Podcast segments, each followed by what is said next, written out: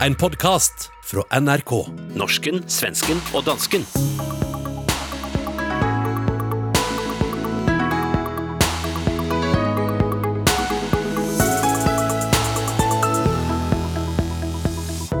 Endelig skulle vi få vite svaret. Er palmetraumet nå over? I Danmark har hvite demonstranter fått helt egne regler i denne ukens demonstrationer mot rasisme, og i Bergen vil en politiker fjerne et 1700-tallsmaleri fra rådhuset.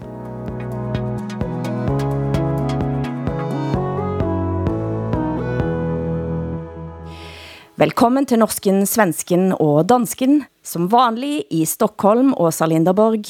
I København, Hassan Preisler. Og mitt navn er Hilde Sandvik i Bergen.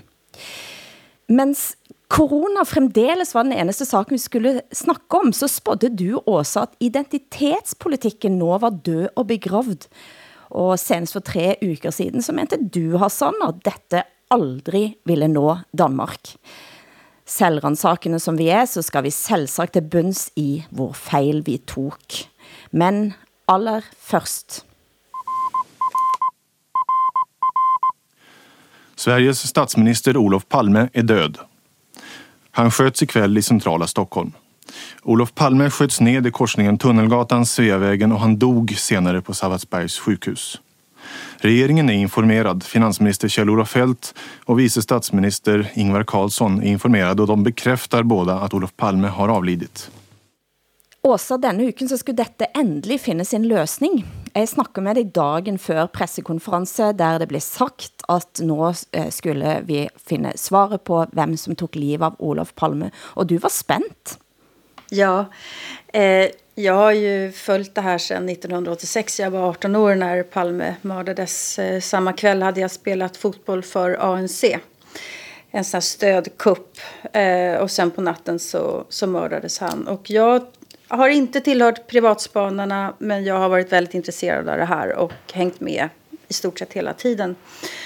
Och det var väldigt upptrissade förväntningar eftersom åklagaren Christer Petersson inte Christer Pettersson som den som dömdes en gång för mordet, men Christer Petersson. Han hade ju gett ganska stora förväntningar hos oss att vi skulle få veta vem det var.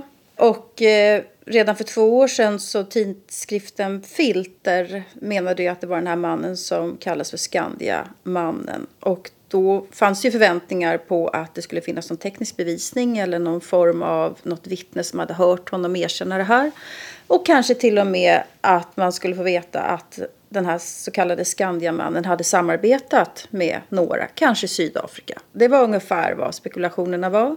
Det var också så det spekulerades i The Guardian eh, dagen innan. Så visst var vi spända hela Sverige, satt och tittade på presskonferensen.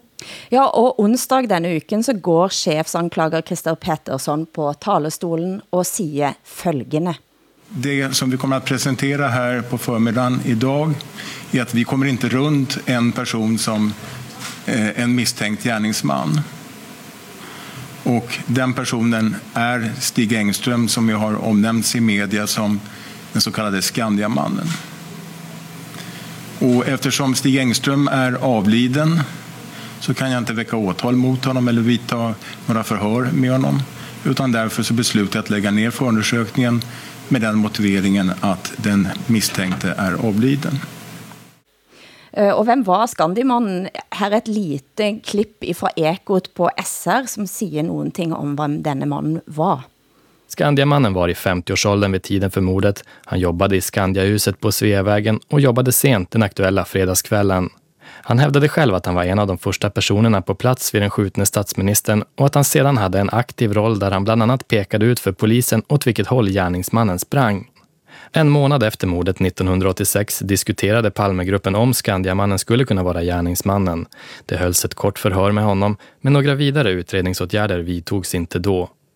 Palmegruppen började ånyo rikta fokus mot Skandiamannen i samband med att åklagare Christer Petersson tog över utredningen 2017. Ekot har tidigare rapporterat om att Skandiamannen senaste åren blivit ett allt hetare spår för Palmegruppen och flera personer som följt utredningen under lång tid har ifrågasatt den teorin.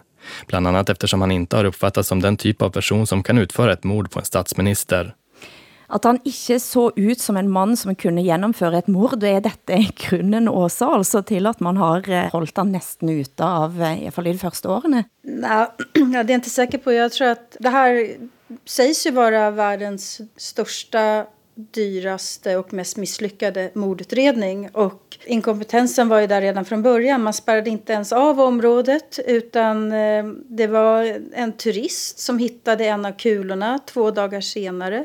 Folk klafsade runt i den där blodpölen eh, och förstörde en massa bevis. Och eh, man intresserade sig direkt för andra spår. Eh, en annan man och sen så blev det Christer Pettersson och sen så var det kurdspåret och, sen, och så vidare.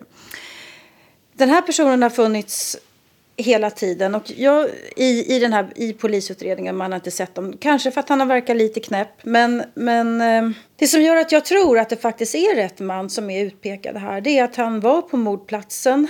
Och hans signalement stämmer med keps och rock. Han är kompis med en vapenhandlare som hade ett sånt aktuellt vapen. Han var engagerad i Moderaterna och avskydde Olof Palme. Och en kvinna har pekat ut honom i en fotokonfrontation redan 1986. Palme sina söner menar också att det var han. Ja, precis exakt. Och det som jag tycker är så intressant det är att den här Skandiamannen, alltså man har i 30 år, 35 år i Sverige så har vi hånat alla privatspanare. De är inte kloka, de är rättshaverister, de har en foliehatt på huvudet. Men flera av dem har, har intresserat sig för just den här Skandiamannen hela tiden. Tidningen Proletären gjorde det redan 1991. De gick ut med hans identitet. Eh, en av de här som har blivit mest hånad eh, för sitt engagemang, han är död nu, heter Sivar Aner. Han var säker på att det var Skandiamannen. Eh, och tidningen Filter 2018. Så det här är en triumf faktiskt för alla människor som inte har gett upp. Eh, och som tror sig ha vetat bättre än polisen. Och det finns ju de som definitivt verkligen har gjort här. Eh, Hovedoppslaget på Aftonbladet etterpå var ikke selve saken, men vår faste norsken, svensken og danskens faste krimekspert Lev GVs reaktion. For han var besviken, og hør her fra TV4.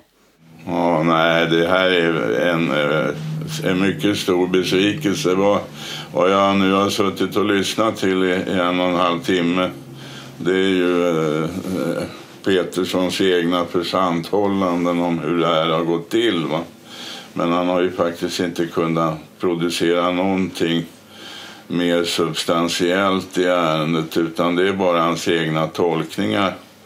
För han är ju känd i utredningen i stort sett från första början. Hade det då räckt för att väcka ett åtal mot hans nekande, det är jag fullkomligt övertygad om att det inte hade gjort.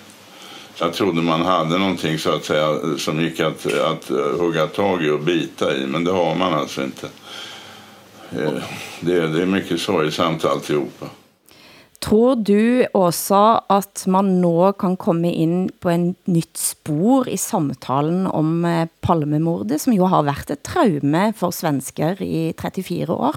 Nej, det tror jag inte. För att de kommer faktiskt inte med någon eh, helt tydlig lösning. Det finns, det finns ingen teknisk bevisning, det finns inga inga erkännande eller någonting sånt. Så de som inte vill tro på den här eh, idén, det här utpekandet, de kommer fortfarande tro på någonting annat. Och även jag som då tror att de kanske har hittat rätt här vill ju ändå tro att Stig Engström eh, inte agerade ensam utan att han ingick i, i en, en större kontext. Jag tycker ju att det ligger någonting i Sydafrikaspåret. Ni hör ju här att jag är privatspanare också då. Eh, andra menar att polisspåret, eh, några menar att USA, eh, några menar att det är den här Stay Behind, antikommunistiska rörelsen som skulle liksom skydda Sverige i händelse av att Sovjet ockuperade och så vidare. Mm. Hassan, ja. han, han, han lämnar ju öppet i alla fall för att han inte var en ensam gärningsman. Eller att han, um, han umgicks i väldigt sådana tveksamma kretsar kan man säga. Du sa eh, då vi snackade samman lite för att uh, du hoppade på Sydafrikaspåret. Ja, det är klart att jag gör. Varför gjorde du det? jo, därför att Eh, det är så mänskligt eh, politiskt. Att man vill ju att Olof Palme ska ha blivit mördad eh, för en politisk sak. För den han var rent politiskt. Man vill ju att en sån stor figur ska ha stora mäktiga fiender. Eh, såklart. Då blir den här eh, Palmehatande knäppisen han är inte tillräckligt värdig, Olof Palme. Det är väl så jag tror att vi tänker. Men, men faktum är att han var ju så illa avskydd av väldigt, väldigt många. Och inte minst av apartheidregimen i Sydafrika. Och Boer-aktivisterna. Jag var också väldigt meget spänd på det här Sydafrika-spor, det skyldes, att jag för få dagar sedan läste en artikel i The Guardian av Göran Björkdahl. Jørgen Bjørkdal er svensk diplomat i Burkina Faso og privatdetektiv og har arbejdet sammen med den danske dokumentarist på filmen om mordet på Dag Hammarskjöld. Mm. Og Jørgen Bjørkdal har ved et tilfælde faldet over nogle papirer, som så har ført ham til en sydafrikansk general, som har ført ham til endnu en sydafrikansk general, som har ført ham til endnu en sydafrikansk general. Alle tre generaler, der arbejdede i, i den sydafrikanske sikkerhedstjeneste på den tid, hvor Palme blev myrdet. Og de her generaler, de siger altså, at der er sydafrikansk involvering i mordet på Palme, ifølge Jørgen Bjørkdal. Og Jørgen Bjørkdal gik så langt, at han fik etableret et møde mellem den svenske efterforskningsenhed og det svenske sikkerhedspoliti og de her øh, generaler fra det sydafrikanske sikkerhedspoliti. Og det møde, det var den 18. marts. Mm. Og jeg var jo helt sikker på, at der nu her tre måneder efter ville komme informationer om hvad der så opstod på det møde. Og jeg havde jo også ligesom Åsa håbet på af en eller anden besynderlig årsag, at det præcis ville være det her spor, der var det rigtige spor. Vad sker vidare nu tror du också? Jag tror, jag kan ju leva med den här lösningen så att Jag tror att många känner det också. Eh, han är, den här Stig Engström, han är ändå plausibel. Alltså man känner att det är, det är inte helt omöjligt att det skulle kunna vara han. Mm väldigt, väldigt många journalister är ju glada att det här är över. Alltså så många rubriker som jag har gjort genom åren som har varit helt misslyckade faktiskt. Att, som journalist är, är det jätteskönt. Men vad är det, tror du, som har gjort att Palmemordet blev dannande för flera generationer svenskar, hela det svenska samfundet?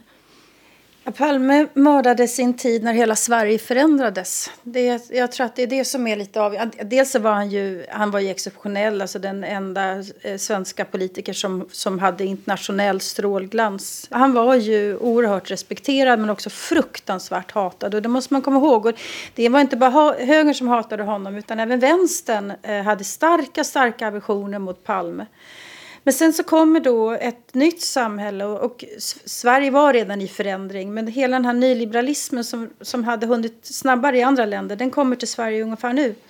Eh, och så att, det, så att socialdemokratin blir inte den som vi var van med och då sätter man det i samband med mordet på Olof Palme att det blir liksom skottet där också startskottet för, för ett nytt Sverige som har ökat orättvisorna tycker man och sådär. Och då blir Palme, får han en ny glans liksom, eh, om hur mycket bättre det var förr och så. Och sen att, att man inte grep den här mördaren. Något av det jag syns är fascinerande med, med att se på svensk politik är att centrala socialdemokrater också kommer från överklassen, väldigt tydlig överklass, och det gjorde också Palme. Eh, ja, det, det gjorde han, men, men den som efterträdde honom, Ingvar Carlsson, det var ju en arbetargrabb och sen kom Göran Persson, arbetargrabb.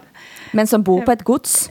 Ja, ja, jo, jo, absolut. Och, och sen så har vi nu Stefan Löfven, arbetargrabb. Det är ganska, det skulle jag säga mer ovanligt om man jämför internationellt. Du hører norsken, svensken og dansken i SR, DR og NRK.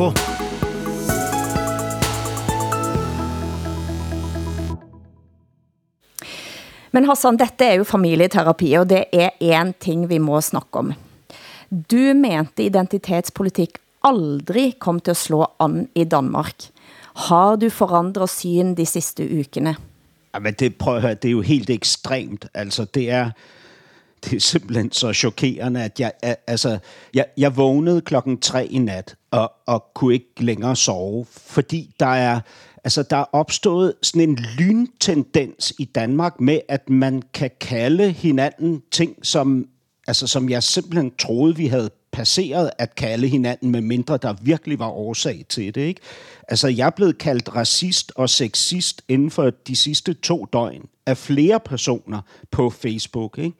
Og, jeg, og jeg, lå, jeg lå i nat der klokken tre søvnløs og tænkte over, hvad fanden er det, der foregår?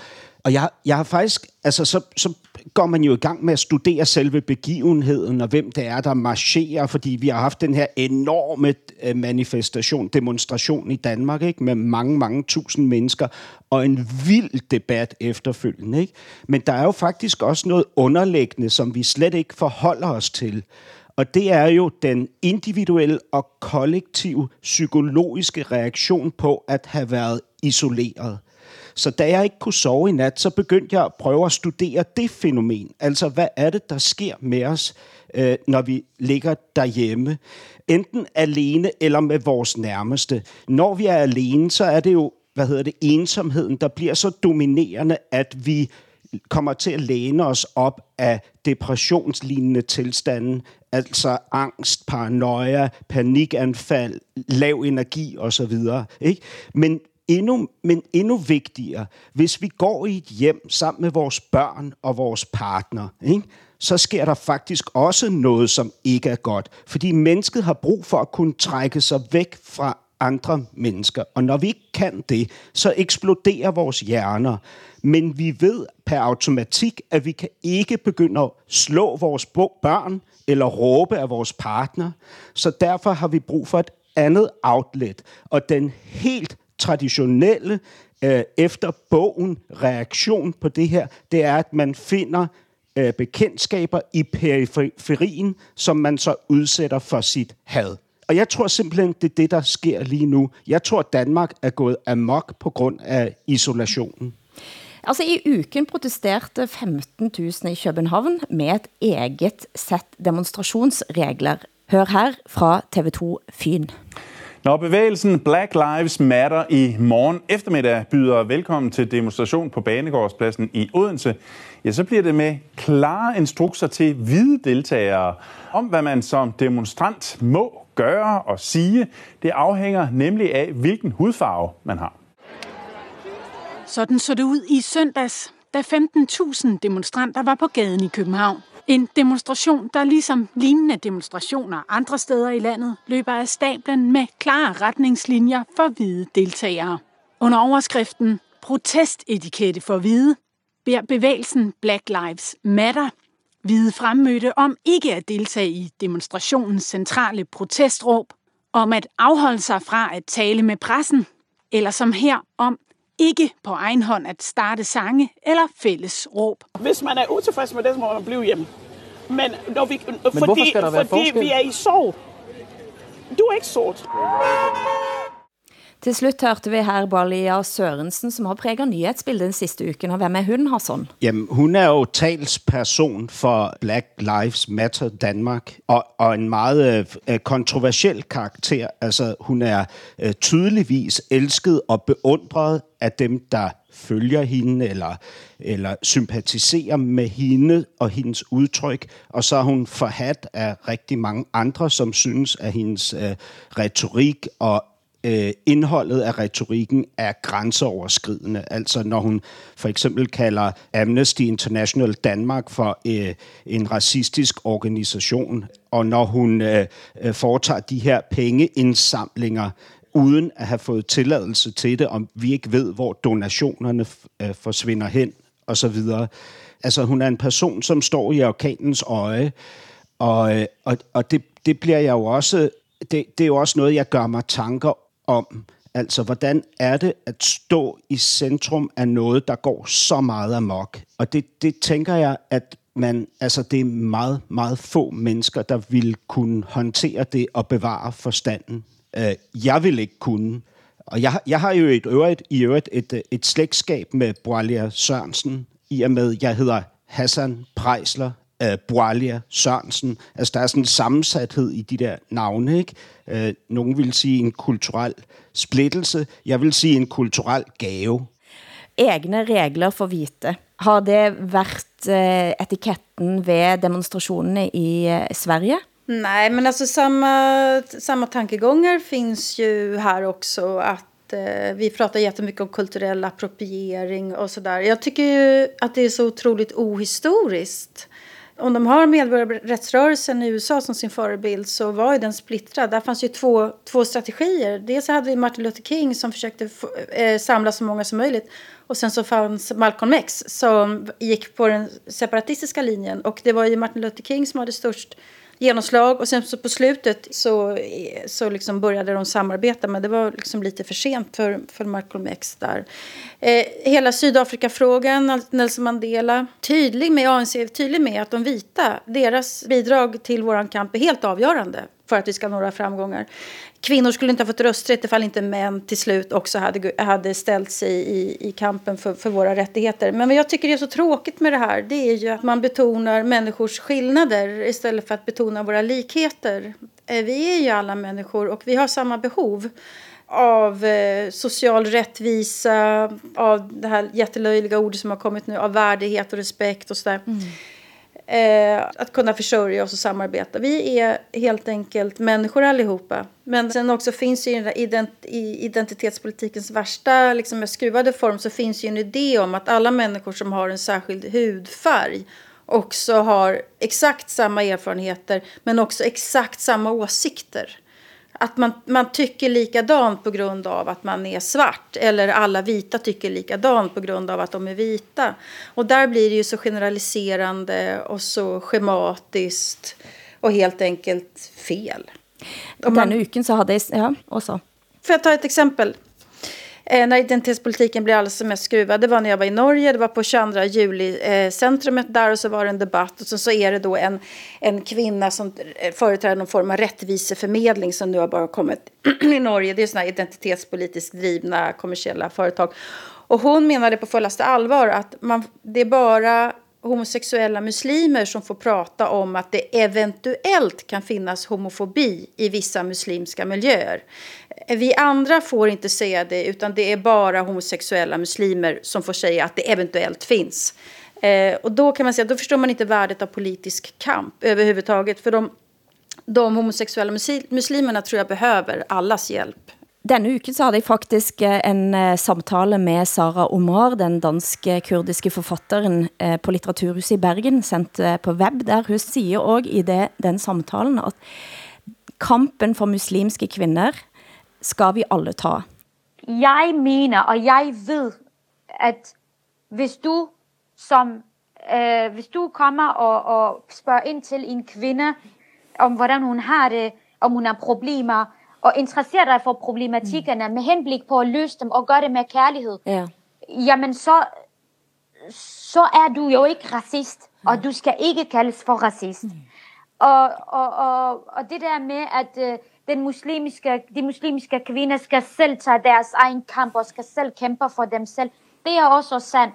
Men vi har brug for jer. Mm. Vi har brug for jeres erfaring. Mm. Vi har brug for jeres viden. Vi har brug for jeres øh, øh, øh, frigørende tanker.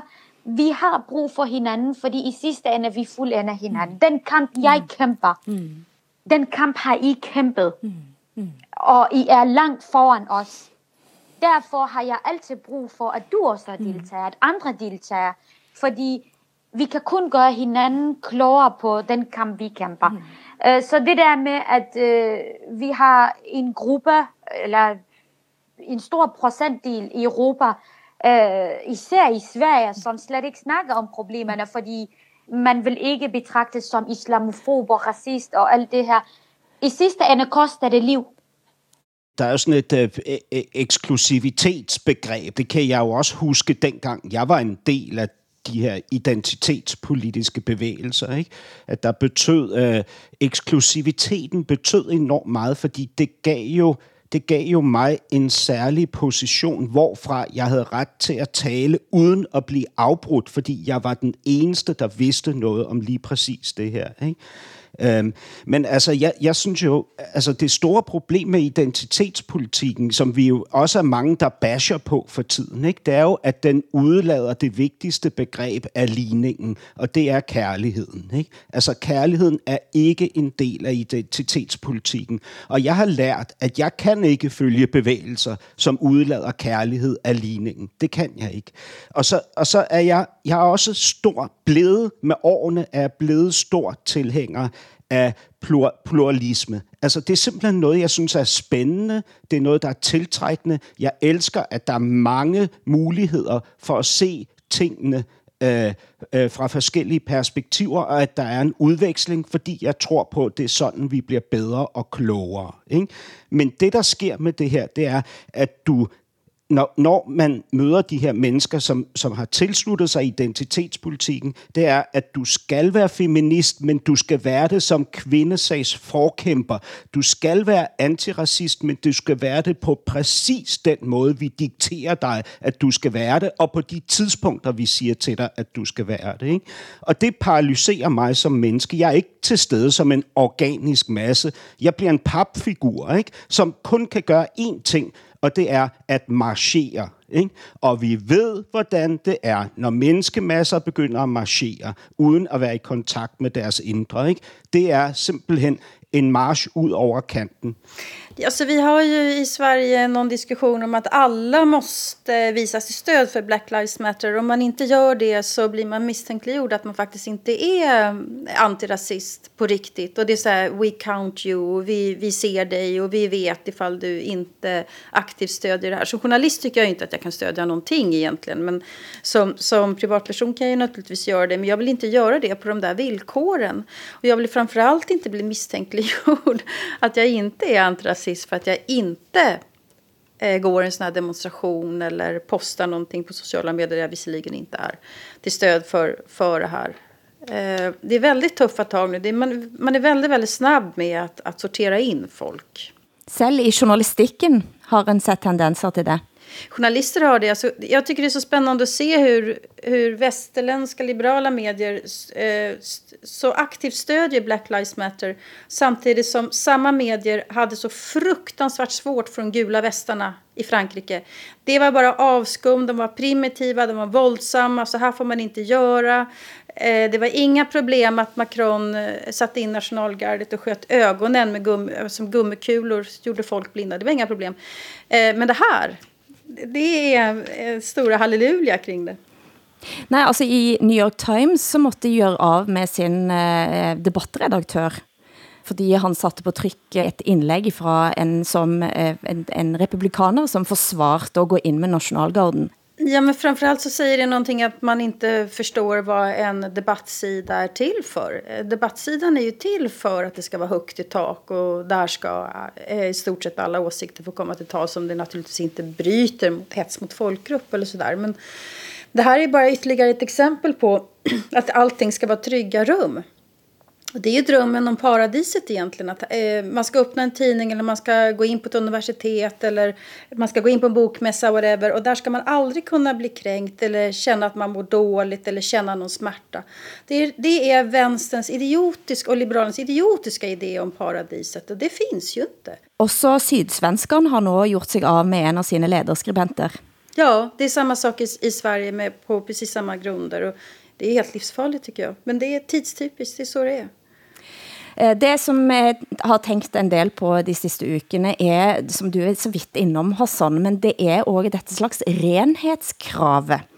Selv bodde jeg på Tom, i Tor Mølens gate på Mølenpris i Bergen, den centrumsbydel med flest indvandrere. Tor Mølen er navnet til en slavehandler. Denne uken så kom krav om at navnet på gaten og bydelen må ændres. Vad tänker du Åsa om den typen eh, krav? Vi vill tippa att det är samma diskussion i Sverige.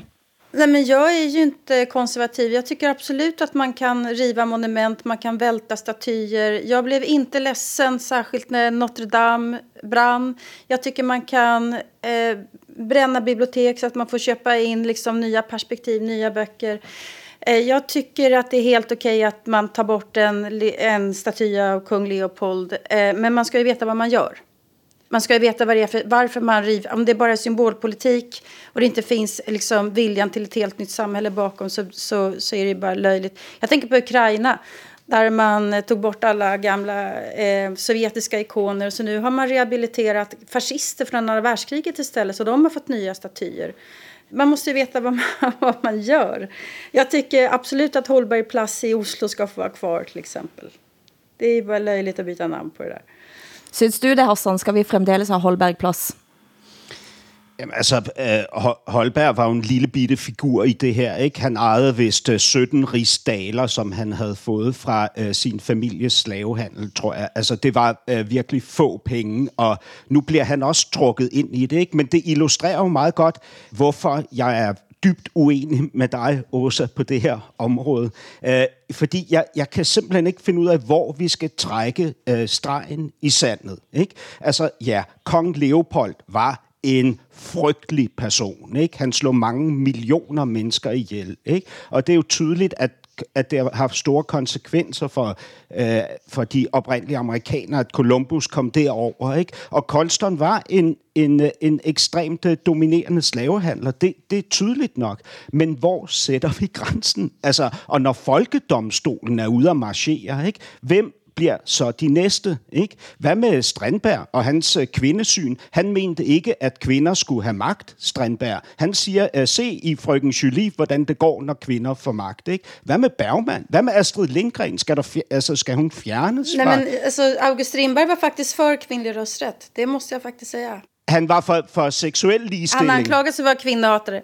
Han var for seksuel ligestilling, ikke? Jeg elsker Stenberg. Men han mente ikke, at kvinder skulle have magt. Men, men anyway, du, du er ekspert på det svenske. Uh, så lad os uh, holde os til det danske i stedet for, ikke? Grundtvig, vores stamfader, hans to brødre var i Vestindien og tjene penge, ikke? Grundtvigs brødre var i Vestindien. Det var meget, meget tæt på, at Grundtvig tog der ud. Ikke? Grundtvig har skrevet vores julesange, blandt andet Et barn er født i Bethlehem, og så videre. Ikke? Hvad, hvad, hvad skal vi gøre med Grundtvig? Hvad skal vi gøre med vores julesange? Ikke? Altså, øh, øh, øh, vi, vi kan fortsætte ud i det uendelige. Hvad med Gandhi? Han var sexist. Lad os fjerne statuen over Gandhi. Dalai Lama, som vi tilbeder, ikke? som en, en levende gud. Ikke? Han er en enevældig konge, som alene har sin magt, fordi Gud har udpeget ham og han finansieres af en japansk vanvidssekt, ikke? og undertrykker i øvrigt de religiøse minoriteter. Nelson Mandela,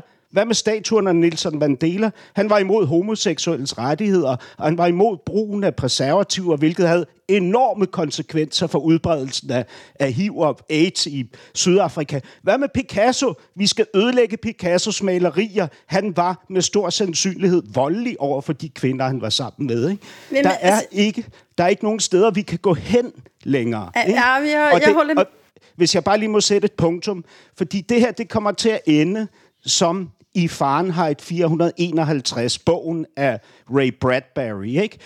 hvor alle bøgerne bliver brændt af staten, men ikke fordi staten vil censurere, fordi alle de forskellige minoriteter fandt noget at være krænket over i bøgerne, således at der ikke længere var noget indhold i dem, der var kun fodnoter tilbage. Och när konsten er reduceret till fodnoter så kan staten gå in och bränna den. Jag är ju lite mer revolutionär. Øh, jag tycker ju att øh, man absolut får välta statyer. Jag tycker man ska vara pragmatisk däremot. Jag, jag, ser, jag fattar inte man kan försvara värdet av, att, att, av en staty på kung Leopold. Jag fattar inte varför Stalin ska stå staty eh, i Ukraina. Eller, alltså jag, jag, förstår faktiskt inte det. Vi kan inte ha hur många statyer som helst. Man måste göra så med vissa. Man måste riva vissa byggnader. Man måste liksom rensa upp lite. Det, det tycker jag. Men det kan man göra, det kan man göra med, med viss finess. Vem ska bestämma det? Alltså den pragmatismen. Vem är det som ska sitta och säga sån, jag är den pragmatiska. Jag vet att tatt av vinden må bort från HBO. Det håller jag med om. Det är, det är bara populism. Det kan jag säga. Det finns inga tror jag, filmkonsumenter som, som är glada över att man tar bort Borta med vinden. De har tagit bort Little Britain, också den här brittiska. Eh, och argumentet är att den är rasistisk. Eh, problemet med Little Britain är väl visserligen det. Men det är också att det är djupt, djupt klassförakt med den här eh, kommer ni ihåg den här tjejen i rosa eh, overall som är fullständigt dum i huvudet? Ett monumentalt klassförakt. det tycker inte folk har några problem. Det har fått hålla på alla år. Jag tycker inte man ska censurera, censurera någonting som har med kultur att göra överhuvudtaget. Men jag tycker man har rätt att välta statyer. Däremot är jag inte säker på att jag tycker att Black Lives Matter nu ska få sätta, sätta liksom standarden för hur våra offentliga rum ska se ut.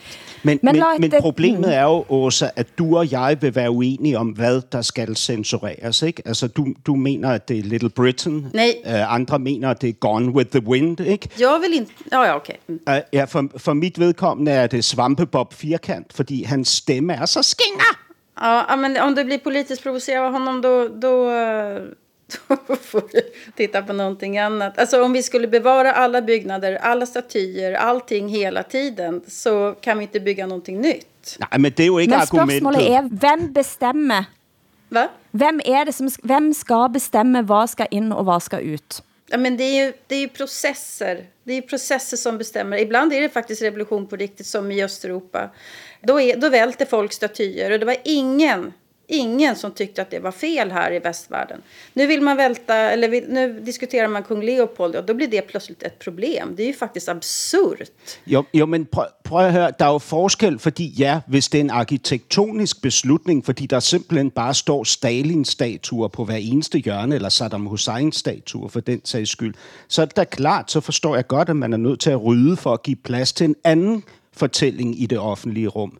Men hver gang jeg är i Berlin min barndomsby, så tager jeg ud i Treptower Park, hvor der er et kæmpestort russisk monument, som er så spændende. Ja, det är så vackert också tycker jag. det, og, og så smukt, ikke? Og det, og det er så berigende, fordi det fortæller mig noget om en anden tid, ikke? En anden tid på godt og ondt, ikke?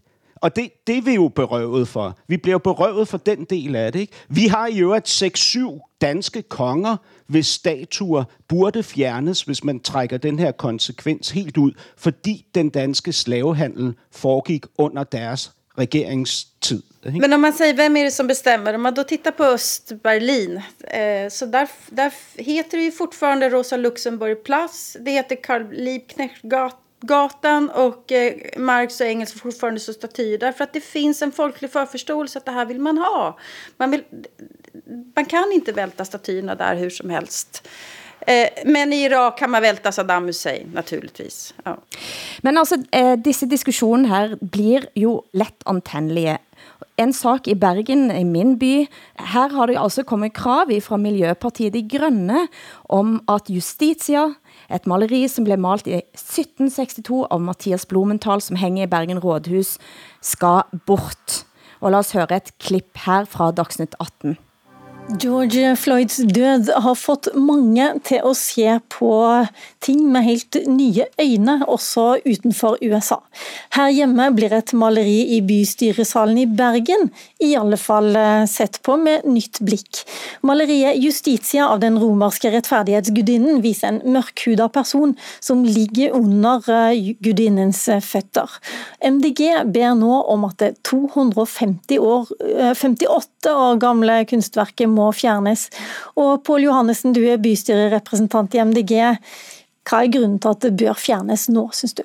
Ja, altså Maleriet var en bestillingsverk i 1762. Det er jo før Grunnloven, det er før demokrati i Norge fant sted.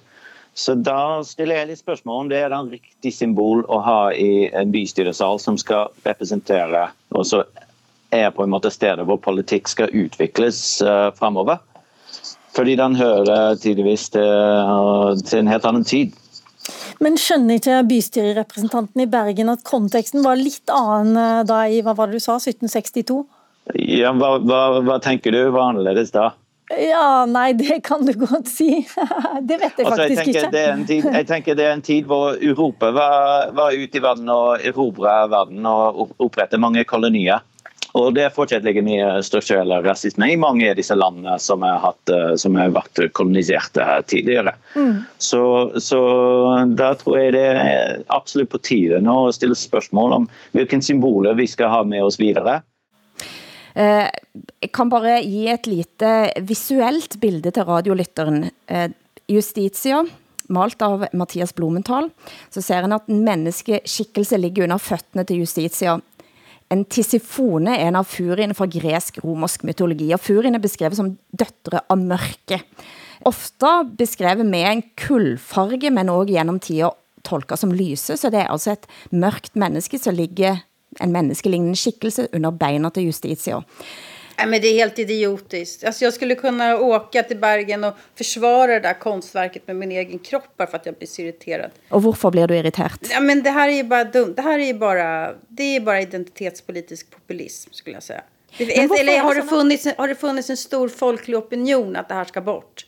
Eller är det, är det en person nu som, som tycker plötsligt? det er et parti, men som involverer andre. Da kommer, nå, kommer på en måte, nå kommer kravet til ordføreren om at fjerne det. Og hun siger at ja, men jeg har jo aldrig likt det bildet særlig godt. Ja, men det er inget argument överhuvudtaget. Åh, Norge. Norsken, svensken og dansken med Hilde Sandvik, Åsa Linderborg og Hassan Preisler. Denne uken her så fick Philip Manshaus, som eh, dræbte sin adoptivsøster og gik til angrepp på en moské, nå denne uken så fick han sin dom 21 år i fængsel. Han var en soleklar, altså han, han var rasist, men vi har denne, man har også fått uhyre mange vittner, vittnesbyrd om eh, hverdagsrasisme, og hvor, hvor placerer vi den samtalen i det, som blir en ganske sånn febril tone i øjeblikket? Jamen selvfølgelig findes der racisme. Det vil jo være idiotisk at sige, at der ikke er racisme. Altså, der er racisme. Der er både den brutale racisme, der er også den lille racisme i hverdagen, som kan komme til udtryk i alle mulige forskellige nuancer. Altså, øh, men, men jeg mener, altså, vi, vi bliver nødt til ligesom at adskille tingene. Ligesom når jeg siger, at, øh, øh, hvad hedder det, Øh, MeToo-bevægelsen ikke kan handle om jeres køn mod mit køn, så kan det her, den her diskussion omkring racismen aldrig komme til at være et spørgsmål om sort mod hvid. Altså, det bliver nødt til at være et skænderi mellem racister og ikke-racister, eller en, en debat, en konflikt mellem de to grupperinger. Ikke? Ja, nej, jag håller, jag håller absolut med. Och Eh, jag skulle inte förneka något av alla de här förtrycken som man pratar om. De finns. Så är det ju. Men jag, jag tror att det är helt livsfarligt att, att man splittrar. Om man vill ha, uppnå politiska mål så tror jag det är helt fel. Det är ledsamt tycker jag. Det är svårt att veta, eh, jag som vit eller en man eller en eh, heterosexuell. Alltså vilka rörelser finns det som jag är välkommen in i? Och det var där som jag pratade förut om någon vecka att jag tror att miljörörelsen är så, så välkomnande. För att det spelar ingen roll hur du ser ut i huden eller vilket kön du har eller varifrån du kommer och vilken gud du tror på eller någonting sånt. Utan alla är välkomna för det här handlar om hela mänsklighetens överlevnad. Så där, det är ju ett stort anti-identitetspolitiskt projekt egentligen. Det, det, jag tror att väldigt många längtat efter en sån rörelse. Men, men det er jo derfor, at, at det bliver nødt til at være frihedsrettighederne, som er det, der forbinder os til hinanden. Ikke? Fordi øh, øh, altså, jeg, jeg vil da også påkalde mig min ret til at være imod miljøbevægelsen, hvis jeg er det. Altså, men det er det, vel ingen, som ifrågasätter det, Hassan? Nå, nej, men jeg mener, det, derfor kan det jo ikke være miljøbevægelsen, som er det fælles menneskelige fundament. Altså, det er bare en lidt bredere bevægelse. Ikke? Nej, men alltså min poäng här är att i miljörörelsen så är alla välkomna oavsett eh, om man är vit eller svart man eller kvinna. Det är det som är poängen. Man kan inte säga så att du är inte välkommen för att du är inte svart. Du är inte välkommen för att du är inte kvinna. Så kan man inte säga, utan det här handlar om allas vår överlevnad. Alltså den diskriminerande eh, identitetspolitiska grunden finns ju inte i miljörörelsen. Det är otroligt befriande. Du hører norsken, svensken och dansken. Programmet blir sendt i Danmarks Radio, Sveriges Radio och Norsk Rikskringkasting.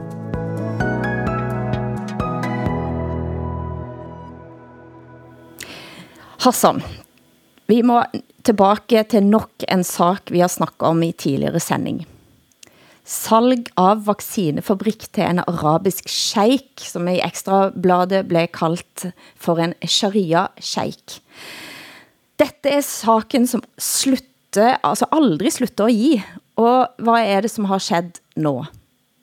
Jamen altså, jamen det, Ja, det, det er jo en, en soap, det her. Ikke? Den, den kører uge for uge, og man, man tænker, får den aldrig en ende? Men det, der er sket nu, det er, at det er kommet frem for et par dage siden, at Sundhedsministeriet informerede Finansministeriet om, at den saudiske købers virksomhed var i da da da da skattely. Ikke? Så nu har vi en sharia-sheik, ikke? som øh, støtter øh, tvivlsomme formål øh, og øh, har købt vaccinefabrikken for ingen penge og har kostet øh, staten over en milliard kroner. Øh, hans virksomhed er i øvrigt også i skattely. Ja, skattely er altså skatteparadis. Og det interessante er jo, at, øh, at øh, Socialdemokraternes partileder dengang, Mette Frederiksen, vores nuværende statsminister, hun stod og talte dunder mod øh, brugen af skattely i Fælledparken den 1. maj 2016. Lad os høre et lite klip fra denne talen. De såkaldte Panama-papirer har jo vist os, hvordan nogle af dem, der har de bredeste skuldre, har valgt ikke at betale deres. Rige mænd har systematisk flyttet deres penge fra Danmark til skattely på den modsatte side af jordkloden. I øvrigt hjulpet på vej af de banker, som vi andre har valgt at holde hånden under i finanskrisen. Jeg vil ikke finde mig i det.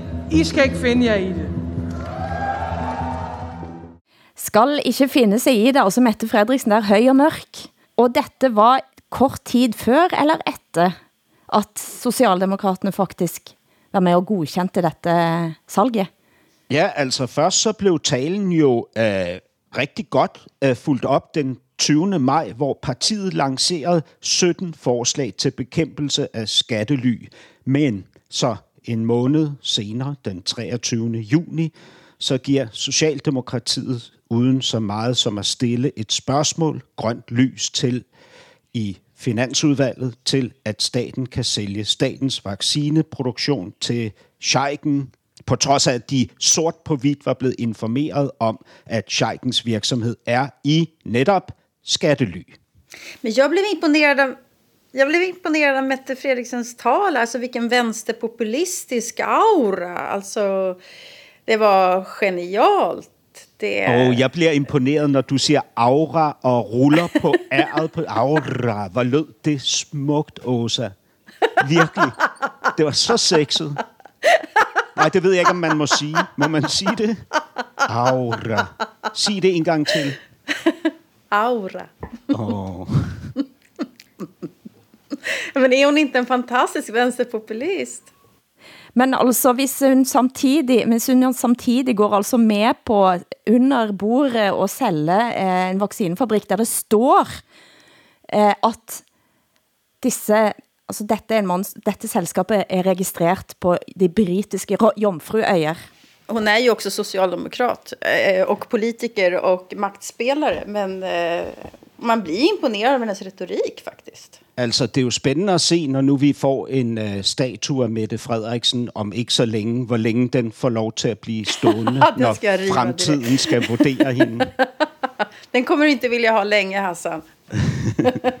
hun har i hvert fall udtalt, at hun til sin død skal stå op for den strenge nedlukkingen, som eh, Danmark har været igennem. Men har hun verkligen sagt til sin død?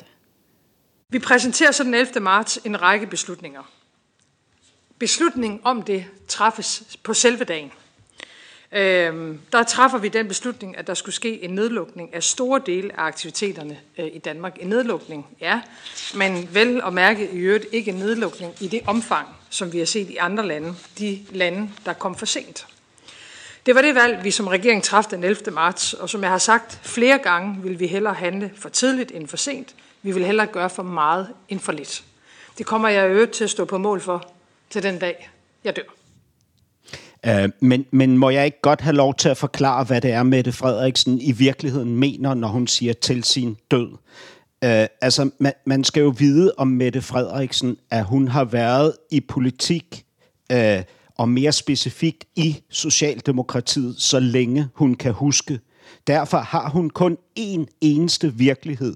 Så hun tror, at når hun ophører med at være i politik, så ophører hendes liv også. Hun ved ikke, at der er et liv på den anden side af politik, og det er derfor, hun siger, at hun vil stå på mål for det her til sin død. Det är så fantastiskt antiintellektuellt att, eh, att, att säga någonting så definitivt. Jag kommer aldrig ändra mig, någon gång. Jamen, det ved du jo godt, at det danske socialdemokratis strategi, det er at lægge så stor afstand til øh, de intellektuelle, som de overhovedet kan. Ikke? Så det er, hvad hedder det, dumhed er, er en del af deres strategi. Men retorisk eh, briljant ifølge Åsa. Ja, men det är hon ju. Det är, jag tycker det är fantastiskt. Och om man jämför med Stefan Löfven som står och mumlar och sådär. Så hon är ju distinkt när hon pratar. Enorm kraft och aura. Kanskje det skyldes alle disse forfatterne. Aura. Kanskje det skyldes alle forfatterne som er ansat eh, som taleskrivere her i eh, regeringen. Er det så? Ja, ja, det kunne det sagtens være. Altså, øh, hvi- hvis man graver lidt i det her, øh, det er jo normalt sådan, at når der er et markant, øh, en markant udtalelse fra Mette Frederiksen, så kommer den enten fra Matador, Shubidua eller Kim Larsen. Så jeg, jeg tror, hvis man graver lidt i det her, så vil man finde en sang eller et afsnit af Matador, hvor i der indgår en sætning, der hedder, jeg vil stå på mål for det her til den dag, jeg dør. Men Åsa, helt til slut. Vi må altså som nordmænd opklare en stor misforståelse. Nordmenn som kan ha slumpet til att høre TV4's nyhedsmorgen forrige uke, blev altså forvirret. For her blir vi præsenteret for det, som skal være den norske Anders Tegnell. I dette klippet heter han Frode Forland, og så snakker han svensk. Hør her. Vi har nu med oss Frode Forland som är Norges motsvarighet till Anders Tegnell för en uppdatering. God morgon, god morgon och välkommen till svensk eh, TV. Eh, till att börja med, tycker du att det är utifrån ett smittspridningsperspektiv bra att svenskarna inte får semester i Norge? Ja, det, det finns ju en logik i att hålla en gräns stängd om man har en jättestor olikhet på tvärs av gränsen. Och det är ju tyvärr fallet nu mellan Sverige och Norge. Så det finns en logik i det. Ja, Frode, siffrorna talar ju sitt tydliga språk att eh, Norge har ju lyckats hålla ner antalet dödsfall betydligt bättre då än Sverige. Varför har ni lyckats så bra tror du? Jag tror det här handlar mest om, om timing och, och eh, de, eh, den, den hårda anslag av alla de åtgärder som blev gjort i samhället på den eh, 12, 12 mars. Man, man tog ju då många åtgärder på samma dag. Och det var ju den dag regeringen tog över och, eh, och sa att det här är en samhällsfråga. Det här är någonting som eh, gäller alla samfundssektorer. Det gäller inte bara hälsovården, hälso- och sjukvården. I Norge vil man nok si at den som føles som vår Tegnell er assisterende helsedirektør Espen Nakstad, men spørgsmålet om to også. Hvordan er Forlands svensk? Ja, det var jättefin svenska. Han lät som min gamla morbror. Ja, fint. Eller farbror menar jag. Ja, ja, fint. Fint var det. Imponerad. Men, men Hilde, Hilde du, du tager jo fuldstændig fejl. At, altså, det var jo ikke, det var ikke Frode, der talte her. Han er blevet eftersynkroniseret, for i, i Sverige forstår de jo bare ikke norsk og dansk.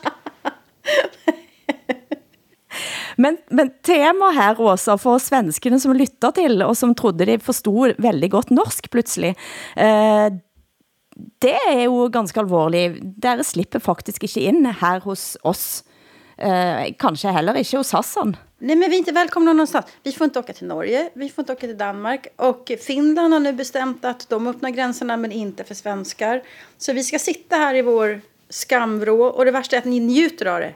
Jag ser nu hur Hilde ler åt det här. Hon liksom latter åt Hassans stort smil. De är jätteglada. Jo, jo. Nej, det passer ikke. Jo, nej, nej. jo, alla norskar, alla danskar, alla finnar njuter av att svenskarna inte får åka någonstans. Jag längtar efter er, ni längtar inte efter mig. Oh. Så kan man säga. Nej, det passer ikke. Nej, nej, jeg længes øh, meget efter dig, øh, Åsa.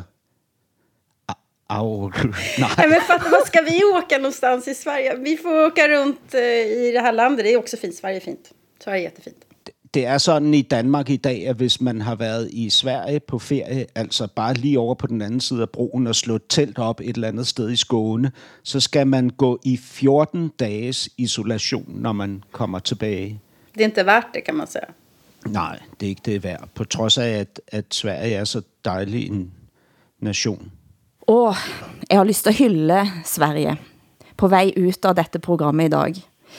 I anledning alle flaggans dag har vi i Norsk Rikskringkasting fundet frem til en kombination av det bästa fra Sverige. Du gamla, du fria og Leif GV Persson, en viral liten hit fra den svenske YouTube-kanalen Sanningen.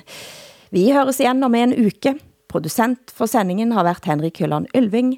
Tak til Hassan Preisler i København, Åsa Linderborg i Stockholm. Här i Bergen sitter jag, Hilde Sandvik.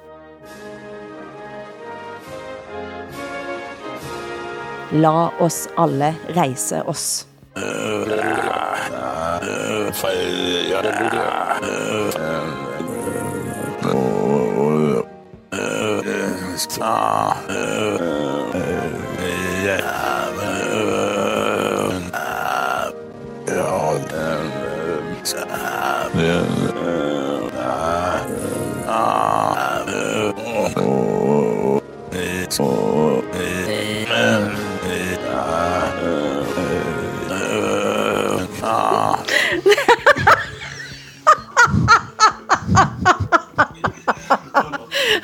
Hassan drog alltså ner byxorna och visade arslet. Nej, jeg, jeg, jeg, jeg vidste jo ikke, vi skulle rejse os, så jeg har ikke taget bukser på i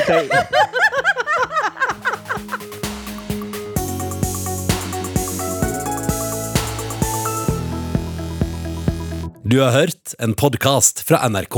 Hør flere podcaster og din favorittkanal i appen NRK Radio.